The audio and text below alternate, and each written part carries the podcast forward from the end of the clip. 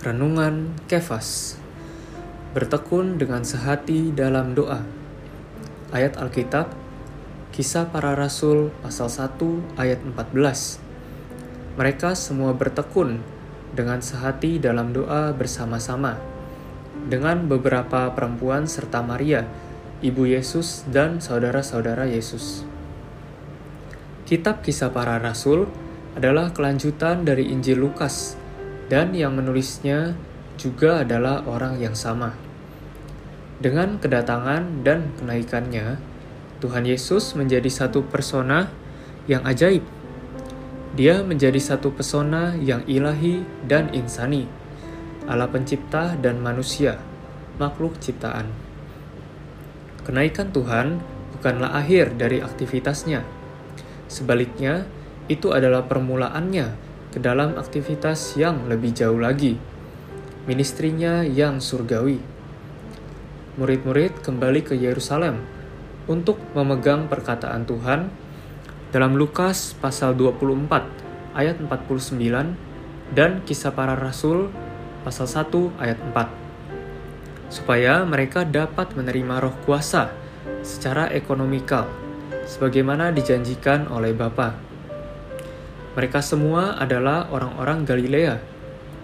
Bagi mereka, tinggal di Yerusalem lebih-lebih di bawah ancaman pemimpin-pemimpin Yahudi. Berarti mereka mempertaruhkan hidup mereka. Sebelum kematian Tuhan, murid-murid tidak berminat mendoakan perkara rohani. Sebaliknya, mereka mempertengkarkan siapa di antara mereka yang dianggap terbesar tetapi setelah kebangkitan dan kenaikan Tuhan, keadaan rohani mereka berubah secara drastis. Meskipun hari Pentakosta belum tiba dan mereka belum menerima pencurahan roh kuasa secara ekonomikal, namun mereka tidak lagi saling bertengkar atau berebutan. Sebaliknya, mereka berbeban untuk berdoa dengan tekun dan sehati.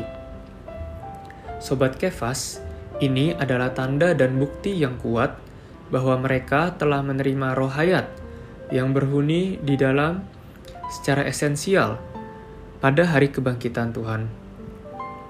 Ini juga bukti bahwa mereka telah dikuatkan dalam ekonomi perjanjian baru Allah oleh penglihatan akan kenaikan Tuhan. Terang hari ini, satu, perlu belajar mendoakan perkara rohani bukan hanya berdoa untuk diri sendiri, melainkan berdoa bagi kepentingan Tuhan. Dua, perubahan dalam hidup kita bukan tergantung pada memperbaiki diri secara luaran, tetapi perubahan yang kita alami seharusnya berasal dari pekerjaan Roh Kudus di dalam kita. Poin doa: berdoa supaya kita mengalami khasiat dari kematian dan kenaikan Tuhan, adanya perubahan dari dalam diri kita.